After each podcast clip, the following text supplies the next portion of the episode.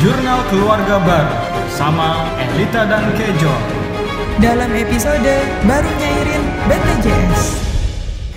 Kesel juga ya lama-lama dengerin intronya ya. Iya, padahal waktu ngerekam ini kita nggak denger. Karena intronya ditempelnya terakhir. Iya. Jadi ini fake sebenarnya. Ketawa-ketawa fake.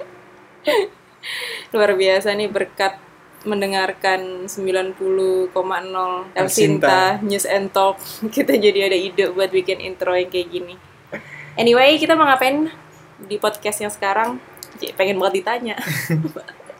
Sekarang ini aja kita bahas topik yang baru-baru ini kamu lakuin yaitu berhubungan dengan birokrasi pemerintahan, wis. Iya sih, ini gue bangga banget sih sama diri gue sendiri bisa melalui ini semua karena gue yakin deh nggak ada yang mau berurusan sama pemerintah dan birokrasi-birokrasi itu. Ya, kecuali pelamar kerja yang mendaftar CPNS. Iya, Penuh loh itu. iya sih. pendaftaran. Keren sih buat kalian semua yang mendaftar jadi CPNS. Ya gitu, jadi ya benar tadi kata kamu. Kita, Hmm. kita kan ini emang jadi salah satu rencana kita ya buat nyairin apa namanya BPJS ketenaga kerjaan. Mm-mm. Karena satu dan dua hal kita memutuskan kayak perlu untuk mencairan ini ya. Mm-mm. Mau ke New Zealand kan? Iya. Soalnya. Urgent itu nggak bisa ditunda itu. Ya gitu. Gimana Nah, gimana tuh ceritanya? Iya, apa namanya? Mungkin ini dulu kali ya, introduction tentang sekilas tentang BPJS ketenaga kerjaan. Mm-mm. Tuh.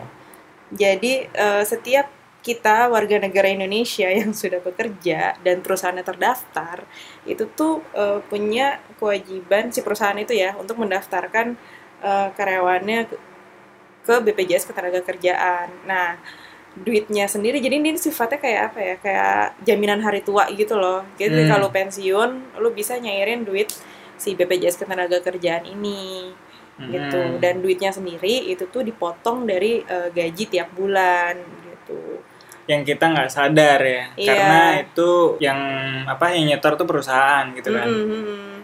gitu terus habis itu eh, dan ada juga ternyata teman-teman aku tuh pas lagi aku bahas tentang BPJS tenaga kerjaan ini itu tuh nggak tahu kalau dia tuh punya gitu nah gimana kan ada kartunya Nah dia tuh kayak nggak dikasih kartu, entah nggak dikasih tau, nggak entah nggak dikasih kartu atau mungkin dia lupa pernah dikasih gitu lah ya. nah, Intinya dia nggak merasa, oh, eh, emang kita punya ya BPJS ya gitu. Ada gitu. Terus nah makanya kalau misalnya kalian belum pernah dikasih kartunya, eh, minta sama HRD-nya atau eh, kalau misalnya udah keburu resign atau gimana, cek aja ke BPJS terdekat, ke tenaga, ke tenaga kerjaan terdekat, terus bawa KTP asli gitu. Jadi dia tuh bisa ngecek gitu loh dengan nomor KTP karena kan KTP kita udah iktp itu kan.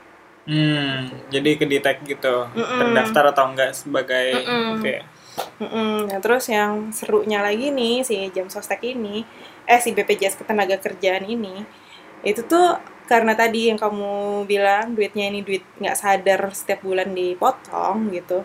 Jadi pas cek saldonya kayak Hmm. Wah gitu loh.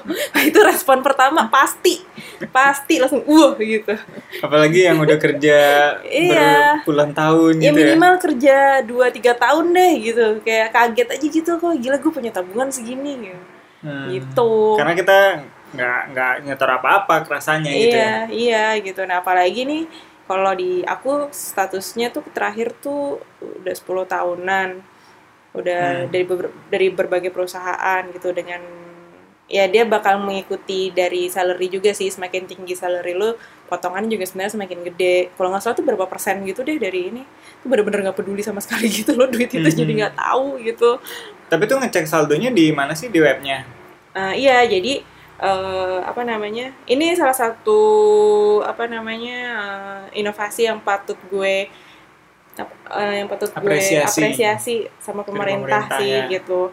Sebenarnya sih ya ini memang sudah sepatutnya, tapi ketika pemerintah Indonesia melakukan ini, kayak gue salut sih gitu. Jadi lo bisa ngecek BPJS ketenagakerjaan lo itu via online.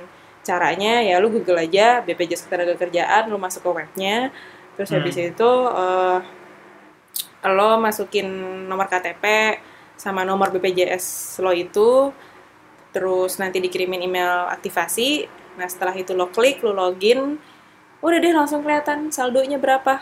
Hmm. Yang bikin wow itu tadi. Ya karena aku juga selama ini taunya punya BPJS ketenaga, eh, ketenaga kerjaan tuh kartunya doang sih gitu. Nggak Iya. pernah sadar kalau ya gue punya saldo di dalam situ Mm-mm. gitu. Terus terus terus. Nah, ya udah. Jadi di website itu selain lo bisa mengecek saldonya, lo juga bisa klaim saldonya itu secara online. Nah tapi bukannya eh nggak tahu sih kalau peraturan sekarang itu bukannya harusnya dia di, bisa dicairin tuh setelah pensiun gitu ya? Nah, jadi eh, dulu sih katanya dulu waktu zaman masih rawa-rawa, masih jam sostek, Hmm. itu tuh eh katanya bisanya itu dicairinnya pas udah 55 tahun ke atas. Tuh, nah sekarang nih kemarin nih karena gue ada keperluan buat nyairin, gue jadi, jadi nyari tahu. Ternyata sebulan setelah lo resign dari kantor terakhir, itu tuh lo udah bisa nyairin saldo itu. Walaupun memang sebenarnya sih ya pemerintah selalu mengingatkan lah kalau eh, duitnya tuh diambilnya antar-antaran aja karena dibalik balik lagi ini kan fungsinya sebagai jaminan hari tua gitu ya bisa dipakainya tuh lebih baik pas memang udah kita udah nggak produktif Hmm. Tapi memang sebulan setelah lo resign lo bisa ab- abisin saldo JHT lo pilihannya sih antara lo ngabisin atau kalau nggak salah bisa kayak 10% 20% gitu loh nggak langsung habis Hmm. gitu Nah tapi tuh gimana cara mereka tahu kalau kita udah resign ya? Jadi eh, ketika iuran lo udah nggak dibayarkan sama perusahaan Hmm. selama satu bulan itu, nah mereka tuh mungkin ya mungkin langsung eh, Ngedetek Ngedetek kalau, kalau lu tuh udah udah- aktif. udah nggak aktif gitu, atau bisa juga memang HRD-nya yang update gitu supaya kan tuh ngaruh kan. Kalau misalnya gue udah resign nih, tapi si HRD nggak ngupdate, berarti kan dia tetap ngebayar iuran gue, rugi dong perusahaannya. Hmm. itu kayaknya sih memang dari HRD-nya pun juga ini ngupdate gitu Ya tapi intinya mereka tahu lah ya status kita saat kita udah nggak aktif lagi gitu ya atau Iya. udah resign gitu ya. iya kecuali status pernikahan. Hmm. oke skip. Nah terus habis itu kan eh, nah ini info yang gue tahu nyairin BPJS itu tuh sama kayak bikin e-paspor gitu loh yang memang lu tuh di bisanya tuh melalui online. Dia bilang kalau misalnya datang langsung tuh eh, ke kantornya dia akan ngarahin eh, ibu klaimnya secara online dulu ya baru ke sini tuh jadinya ya memang mau nggak mau lo harus eh, proses itu dulu di online Hmm. Nah, apa namanya? Caranya gimana? Jadi tadi tuh sebenarnya fiturnya ada di eh, jadi satu dengan si saldo BPJS tadi. Jadi persis banget di sebelahnya fitur saldo itu akan ada eh, menu namanya claim online Nah, Hmm. di situ itu tuh eh, ada list dokumen-dokumen apa aja yang harus lo upload. Apa aja tuh? Nah, pertama kali eh, first first trial gue itu eh, KTP, kakak, terus habis itu si nomor jam sostek sama paklaring. Paklaring itu tuh surat referensi kerja, keterangan kalau lo tuh kerja di suatu perusahaan berapa lama, sebagai apa, kayak gitu deh. First trial tuh maksudnya yang gimana? Emang Ya. nggak ada ketentuannya yang secara jelas gitu di situ? Nah, itu gue ngikutin aja kan based on apa namanya. Jadi kan KTP upload, kakak upload gitu. Gue ngikutin aja gitu eh, Hmm. runutan si formulirnya gitu. Jadi eh, semua dokumen udah gue foto-foto-foto, terus gue upload. Udah, nah saat apa namanya yang surat referensi kerja gue uploadnya dari yang kantor terakhir dari Redcom gitu. Hmm. Terus udah, nah besokannya tuh gue dapat email. Jadi dia tuh akan mengecek eh, kelengkapan dokumen yang udah kalian upload. Nah, problem gue adalah ternyata di kartu gue itu itu tuh terdaftar empat perusahaan yang menyetorkan JHT gue, Yang pernah menyetorkan yang pernah menyetorkan JHT gue. selama kamu kerja 10 tahun Mm-mm, terakhir. mm-mm. Untung empat, bukan enam. nah terus eh, syaratnya adalah gue harus eh, mendapatkan surat paklaring dari masing-masing perusahaan TSB. Udah Hah? deh. Oh, tersebut. iya tersebut Hmm. Terus terus ya udah kan zoom in zoom out zoom in zoom out dah tuh muka gue apa gitu.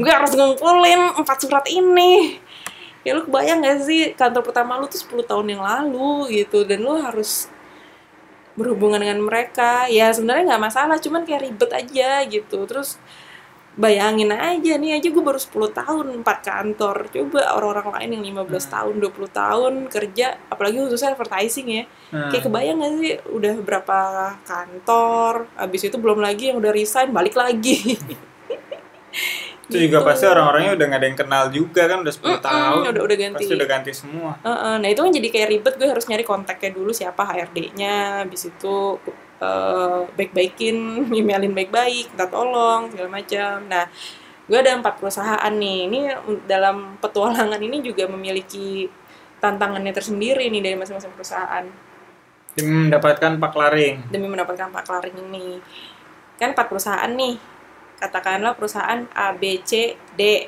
gitu Hmm. nah perusahaan A eh, untungnya masih ada dan HRD-nya juga ya gue kenal lah adiknya temen gue jadinya eh, enak tektokannya gitu Bahkan udah generasi adiknya. Iya, temen adiknya. ya. Adiknya Bisa temen. dibayangin tuh.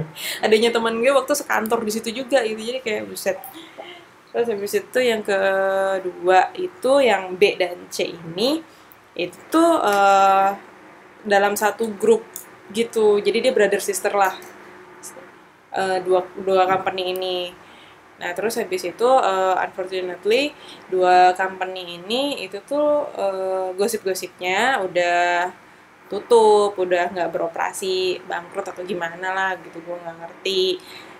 Emang pas gue samperin ke kantornya pun gitu ya tinggal satpam doang, udah nggak ada yang bisa bikin surat gitu, udah nggak ada admin atau apalah gitu. Terus ya udah kan, gue telepon tuh si BPJS, gue ceritain bahwa dua perusahaan gue tuh sepertinya udah nggak beroperasi, udah nggak ada orang yang bisa bikin hak, udah nggak ada orang yang bisa bikin surat itu. Gimana ya gitu. Terus kata si orang yang ditelepon ini customer service-nya dia bilang oh ya udah kalau memang udah paylit eh, ibu minta ibu bisa minta surat keterangannya di kantor BPJS yang pengen eh, jadi tempat ibu cairin gitu loh yang dituju gitu BPJS yang dituju gitu Dalam hal ini kamu kemarin di di Fatmawati, Fatmawati bayaran ya? baru Jakarta Selatan berarti. Mm-mm.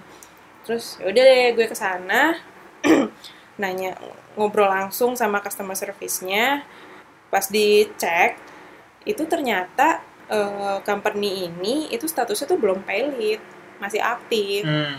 dengan apa namanya eh, anggota ininya tuh sekitar 20-an, 30-an gitu. Nah, berarti ini eh, company gue tuh nggak nggak update statusnya dia gitu loh. Ya atau memang ya dia statusnya belum belum dipilotkan gitu. Hmm, hmm. Terus eh, keterangan dari si mbaknya adalah selama dalam database BPJS-nya itu statusnya belum pilot, lo harus dapat surat paklaring dari perusahaan itu. Nggak Hmm. bisa pakai surat keterangan statement dari BPJS-nya Hmm. gitu. Hmm. Kan waduh waduh waduh waduh waduh waduh waduh wadidaw gitu. Ribet dong. Lumayan. Caranya gimana dapetnya waktu itu? Jadi ya kemarin tuh gue kayak hubungin teman-teman yang sekantor dulu gitu, ny- nanya-nanya sih nomor si nomor CEO-nya punya nggak gitu. Terus gue kontak CEO-nya dan ya sebenarnya alhamdulillah eh, CEO-nya ngerti gitu karena memang itu surat yang diperlukan untuk pencairan gitu. Jadi dia bantuin buat bikin eh, surat-surat itu. Cuman ya Hmm. jadinya text time karena melalui tektokan-tektokan inilah gitu Hmm. terus udah deh tuh dua surat itu terkumpul nah udah kan gue udah punya empat surat nih Hmm. Nah, berarti gue harus re-upload lagi Hmm. nah ini nih proses upload ini juga nyebelin loh Kena- ini kenapa? ini apa input buat website ya BPJS deh supaya diimprove karena eh, apa ya informasinya tuh kurang jelas gitu loh Hmm. dan fitur-fiturnya tuh kayak nggak sesuai kayak nggak nggak terupdate aja gitu kayak misalnya nih kan gue udah upload tuh ya semua terus eh, pas baris yang paklaring itu Hmm. itu tuh dia tuh eh, menunya nggak multiple dokumen gitu loh Mm. kayak misalnya lu upload foto Facebook itu kan kalau kalau mau upload berkali-kali ya ada, Ada. fitur upload yang berkali-kali gitu foto berikutnya foto berikutnya gitu nah ini tuh nggak ada cuma satu kalau itu cuma satu barisnya Sedangkan surat pak Paklaring itu gue tuh ada bisa empat, jadi lebih iya. dari satu gitu kan. iya gitu terus eh, ya udah eh, gue upload gue terus begonya gue gue mau upload dokumen yang sama lagi cuman yang redcom doang Hmm. terus habis itu eh, gue mendapatkan jawaban yang sama tuh persis dengan email yang kemarin terus akhirnya Apaan? ya itu bahwa surat paklaring gue kurang Heeh. gitu terus ya udah tuh gue telepon lagi si customer service-nya ini caranya gimana uploadnya kalau misalnya surat gue ada banyak gitu Ah. oh ibu eh, suratnya tolong dijadikan menjadi satu dokumen JPEG gitu Jadi- Oh, di compile itu dalam satu file JPEG. iya jadi satu JPEG empat surat gitu Hmm. terus ya ih malih malih gue bilang kesel banget ya itu tuh bener-bener nggak ada infonya sama sekali di di di ketika ketika mengupload itu gitu Sebenarnya nggak ribet persyaratannya, cuman karena nggak ada Mm-mm. infonya jadi Mm-mm. harus nelpon, harus harus ya bikin bikin mood jadi nggak enak aja gitu. iya maksudnya ya urusan birokrasi gitu kan ya takes time lah lu harus ke sana dulu mampir ke kantornya. Kalau enggak lu telepon dulu gitu. Udahlah udah nih Mungkin biar ini kali CS-nya aktif, biar CS CS banget. Yoi. Respon rate-nya naik. Tapi emang itu juga kali ya, mungkin kayak mereka sangat insightful terhadap rakyat Indonesia gitu, percuma dikasih informasi panjang-panjang, pada akhirnya habitnya orang akan nelfon nanya langsung atau nyamperin lebih senengnya gitu. Hmm. Gitu deh. Akhirnya berhasil nih diupload. Berhasil diupload. Nah, terus habis itu selama 1 kali 24 jam dia reply kalau oh, dokumen gue udah lengkap, gue udah bisa bawa dokumen asli dan fotokopiannya ke BPJS yang gue tuju Hmm. gitu. Terus ya udah deh dia eh, itu da- dari dari dokumen gue disetujui untuk diteruskan itu itu tuh dia ngasih jangka waktu tujuh hari kerja gitu. Hmm. Jadi gue nggak tahu apa akibatnya kalau misalnya gue di hari ke-8 baru ke kantor BPJS-nya apakah dokumennya nggak valid atau apa gue nggak tahu gue nggak tahu gitu. Nah, Setelah udah upload dan dapat email itu konfirmasi. konfirmasi itu eh, ya udah gue siapin dokumen-dokumen gue tadi nih dokumen asli dan juga dokumen fotokopi semuanya di fotokopi rangkap satu gitu Hmm. terus ya kan gue nggak tahu kan dokumen-dokumen ini tuh buat apa gitu kenapa gue udah upload online tapi gue harus bawa semuanya lagi di eh, offline gitu Hmm. Udah deh eh, pas gue udah dapat giliran gue di sana. Eh by the way ini gue cerita sedikit tentang kantornya ya. Menurut gue kantornya sih cukup modern gitu loh dan nyaman. Nggak kayak bank BRI gitu yang penuh padat gitu. Ya gue kira kan setiap orang butuh duit gitu ya. Orang bakal nyairin jam sostek bakal penuh atau gimana gitu. Tapi enggak gitu. Ya cukup nyaman lah ketika lo harus menunggu 3 jam 4 jam gitu Mungkin karena emang orang-orang banyak yang nggak tahu sama kayak kasusnya yang tadi. ya Jadi mungkin sepi nih gitu. BPJS Dan- tenaga kerjaan. dan- Taunya kesehatan doang. dan cabangnya lumayan banyak sih BPJS ketenaga kerjaan ini gitu terus ya udah eh, gue ngantri da- terus habis itu giliran gue berhadapan dengan mbaknya mbak customernya eh bukan customer service sih yang mbak petugasnya lah gitu nah eh, hal yang dilakukan adalah mengecek keaslian dari dokumen TSB jadi eh, dokumen-dokumen itu tuh ya bener-bener dicek sama dia stempelnya terus habis itu tintanya gitu men- apa untuk menghindari yang uslap-uslap palsu-palsu itu Berarti lupakanlah kalau yang mau Photoshop Photoshop suratnya ya. Mm-mm. Tapi hoki-hokian aja sih. nggak tahu sih kalau soalnya misalkan udah dia suratnya dari 10 tahun yang lalu dia minta kan ya susah juga ya. iya asli atau ya. enggaknya. Ya itu makanya makanya tujuan salah satu tujuan kita bikin podcast ini juga untuk remind juga sih nih teman-teman para sesama pekerja agensi untuk mengconsider mengumpulkan surat-surat itu dari sekarang gitu. Ya semoga sih ya ke depannya itu tuh Ya, itu kok disimplify udah ya. ini lagi. Apa? Padahal belum selesai tuh ceritanya. Oh ya udah, udah, ada harapan, si harapan dan kesan-kesan. si apa namanya si surat itu dicek kalau misalnya udah asli semua udah bener ya udah tinggal nunggu dicairin.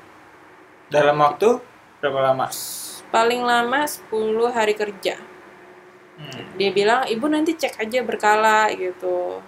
Dia emang dia nggak ada konfirmasi kalau udah ditransfer. Jadi kayak dicek berkala. Kalau udah masuk ya masuk gitu. Ya iyalah apa sih yang udah masuk ya masuk. Oh berarti ditanya nomor rekening juga dong? Iya kan ada syaratnya buku rekeningnya. Oh di awal ya. Mm-mm, gitu. Berarti ini udah hari keberapa nih? ini udah hari ketiga dan belum ditransfer. Ya baru hari ketiga. Selama. iya. Gitu deh, seru. Seru. Eh tapi kalau kayak kamu gitu ya freelancer kan, itu Mm-mm. bisa nggak sih bikin BPJS ketenaga kerjaan gitu atau harus under company? oh iya, ini ini gue juga info yang baru gue tahu sih pas ngurusin BPJS ini ternyata mereka itu punya fitur buat orang-orang yang freelancer atau kayak entrepreneur gitu loh kalau mau punya JHT sendiri. Eh, jadi kan setelah gue mencairkan mengajukan pencairan ini, dia tuh ada formulir yang harus ditandatangani. Hmm? Formulirnya itu kayak formulir pembuatan eh, BPJS ketenaga kerjaan. Ya kan gue nanya kan, lah kan gue udah udah nyairin, ngapain gue bikin lagi gitu. Oh ini memang ketentuannya mbak gitu. Mbak jadi punya akun BPJS ketenaga kerjaan. Paling enggak ini untuk mengcover tiga bulan setelah pencairan eh, yang sekarang gitu. Ya insurance, eh insurance lagi. Eh, iurannya sih nggak berat sih, 100 ribuan gitu. 100 ribuan itu tuh lu udah dapet jaminan kecelakaan kerja, jaminan kematian, sama jaminan eh, hari tua gitu. 100 ribu per bulan, Per tiga bulan. per tiga bulan. Mm-mm. Dan memang itu emang nominalnya tuh kecil banget. Kayak jaminan hari tuanya itu per bulannya 20 ribu Hmm. gitu. Nah gue nanya ke dong, eh, eh mbak ini tuh eh, bisa upgrade nggak sih? Ini kan 20 ribu nih JHT, nggak berasa kan berapa puluh tahun nabung juga. Kalau 20 ribu sebulan gitu. Oh bisa bisa, ini bisa di upgrade nanti eh, mbak telepon aja ke dia punya line khusus lah untuk untuk JHT ini yang mau di upgrade ini. Hmm. Nah nanti tuh eh, selayaknya BPJS ketenaga eh ketenaga Kesehatan. kerjaan, iya selayaknya BPJS kesehatan setiap bulannya harus disetor gitu. Hmm. Tapi ini sebenarnya wajib nggak sih untuk Hmm. warga negara? Enggak. Enggak ya? Untuk yang freelance atau entrepreneur itu ya maksudnya itu Hmm. nggak wajib. Kalau dari perusahaan itu wajib atau ini fasilitas jatuhnya? Setahu gue sih kewajiban ya buat yang terdaftar perusahaan-perusahaan yang terdaftar itu. Atau kalau mau lebih yakinnya make sure di webnya aja kali ya. Iya iya boleh boleh. Soalnya mestinya sih kayak setiap warga, setiap orang yang kerja itu tuh kayak berhak meminta itu sih. Mestinya ya karena kalau misalnya nih aku mau kerja mau ganti company gitu dulu nih waktu masih cari-cari kerjaan gitu, ya gue nanya di sini ada job sostek apa enggak kayak gitu. Hmm. Memang apa ya? Ya memang diperluin sih menurut gue fiturnya bagus dan returnnya kalau gue baca gitu ya kalau lo invest di JHT tuh lebih gede dibanding lo di bank nabung di bank Hmm. Gitu. Hmm. tapi persentasenya gue nggak tahu itu cuma ada statement di websitenya aja yang gue cari tahu gitu Hmm. Tapi kalau compare sama nabung, bedanya ini nggak nggak fluid aja yang bisa diambil kapan pun gitu kan. iya iya Ya, bisa pun butuh proses gitu. jaminan hari tua diambilnya ketika lo tua mestinya gitu dan dia memang pemerintah mewanti-wanti banget anjuran itu gitu jangan buru-buru dicairin bukan bukan karena demi ngekip duit lo juga gitu tapi bener-benernya juga supaya eh, lo menggunakan ini tuh di waktu yang tepat gitu Hmm. Seperti kita, iya mencarikan di waktu yang tepat. Oke, ada lagi? eh udah sih paling kalau misalnya ada yang mau nanya-nanya sama gue eh, nanya aja ke Instagram gue ke DM gitu gue akan memberitahu infonya sesuai dengan yang gue tahu Hmm. atau ya kalian bisa cari tahu sendiri di websitenya atau dengan customer service-nya customer service-nya sangat membantu kok Oke. gitu Itu aja kali ya yang bisa kita share kali ini ya. Yap, semoga memberikan informasi yang jelas dan tidak menyesatkan. Iya. Minimal abis ini kalian langsung cek uang kaget yang kalian miliki ya. Iya, dan langsung, wow, kayak gue pertama kali. Buka. Langsung browsing tiket murah. Yang ada Garuda Travel Fair nih. Oke, kalau gitu Bye. see you.